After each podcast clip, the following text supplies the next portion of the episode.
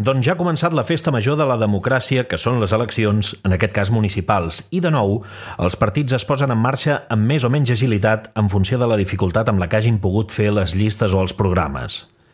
Hi ha una dada, per mi sorprenent, que és la quantitat de partits que hi ha en alguns pobles.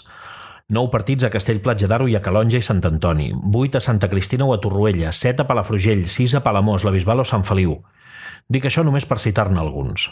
Hi ha qui opina que és bo que la ciutadania s'impliqui en la gestió política, però quan sentin els debats que organitza Ràdio Capital, els cara a cara de Ràdio Palafrugell o altres espais de confrontació d'idees, veuran que en moltes ocasions admeten estar d'acord o molt d'acord amb el que diu el seu oponent.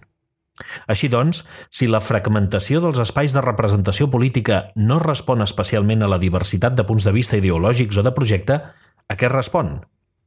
De nou, els emplaço a escoltar, si és que aguanten fins al final, aquests debats i veuran que, excepte en comptades ocasions, la diferència no està en el què, sinó en el com o en el que és pitjor, en el qui. Passat per la traductora i amb un exemple que surt sovint. Estem tots d'acord que el poble està brut. Estem tots d'acord que cal rescindir el contracte amb l'empresa d'escombraries.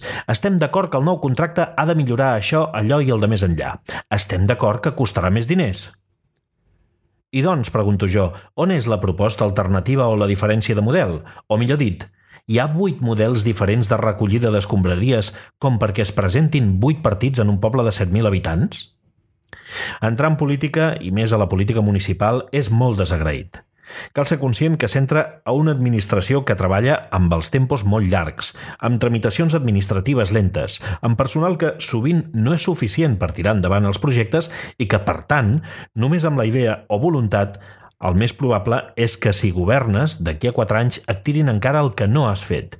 I si ets a l'oposició, et pots passar 4 anys clamant als plens sense més resultat que el tedi. No sé a què es deu que en dues dècades haguem passat d'un insà bi o monopartidisme a un ventall tan ampli de partits. Però si, com dic en aquest article, en molts casos el diagnòstic i la solució coincideix, però no hi ha manera de posar-se d'acord per anar a la una, potser estem entenent malament la manera com s'implica la ciutadania en la cosa pública. Dit això, bona sort a totes i a tots i en tornem a parlar d'aquí a quatre anys.